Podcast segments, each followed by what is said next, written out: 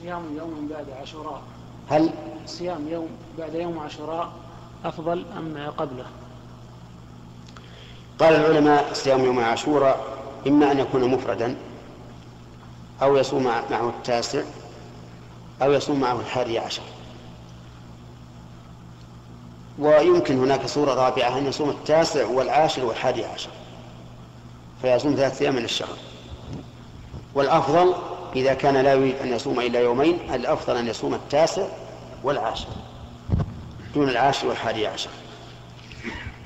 لكن في هذا في هذا العام يعني عام خمسة عشر وأربعمائة وألف آه اختلف الناس لأنه لم يصل الخبر أعني خبر ثبوت الشهر إلا متأخرا. فبنى بعض الناس على الأصل وهو أن تكمل أن يكمل شهر ذي الحجة ثلاثين يوما. وقال إن اليوم العاشر هو اليوم هو هو يوم الاثنين. فصام الأحد والاثنين.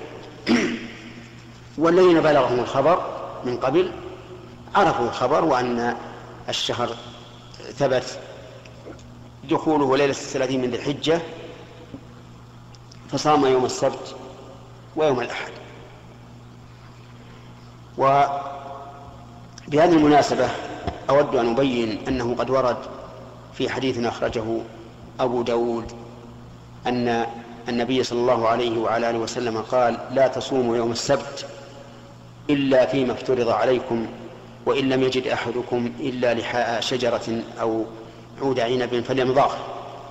فهذا الحديث قال أبو داود إن مالكا رحمه الله وهو مالك بن أنس الإمام المشهور قال إن هذا الحديث كذب يعني مكتوب على الرسول عليه الصلاة والسلام لا يصح.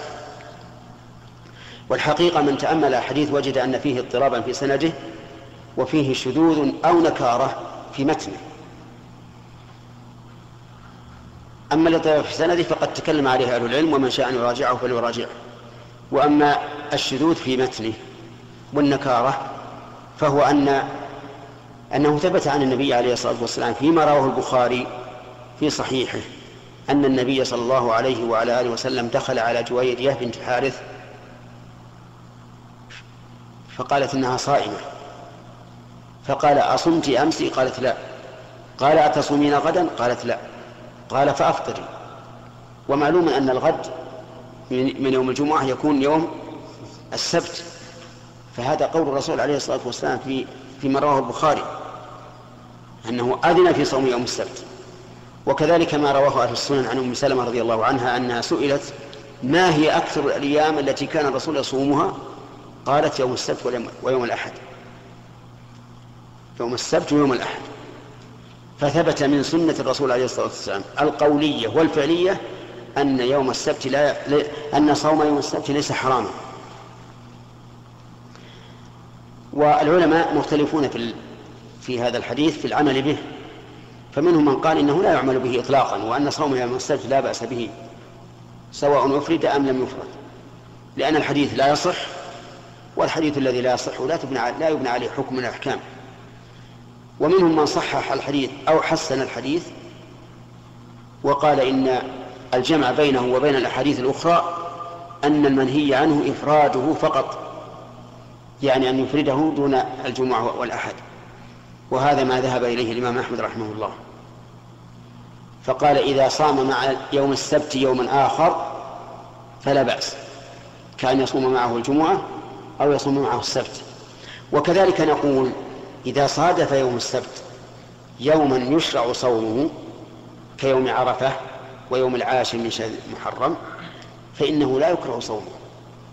لأن المراد ان أن تصومه لأنه يوم السبت. أي تصومه بعينه لا بما صادفه من الأيام التي يشرع صومها. نبهت على ذلك لأن بعض الإخوة سمعت أن أناسا صاموا يوم السبت ليصوموا التاسع والعاشر فأمرهم أن يفطروا. وهذا في الحقيقة مجتهد لكن ليس كل مجتهد مصيبا.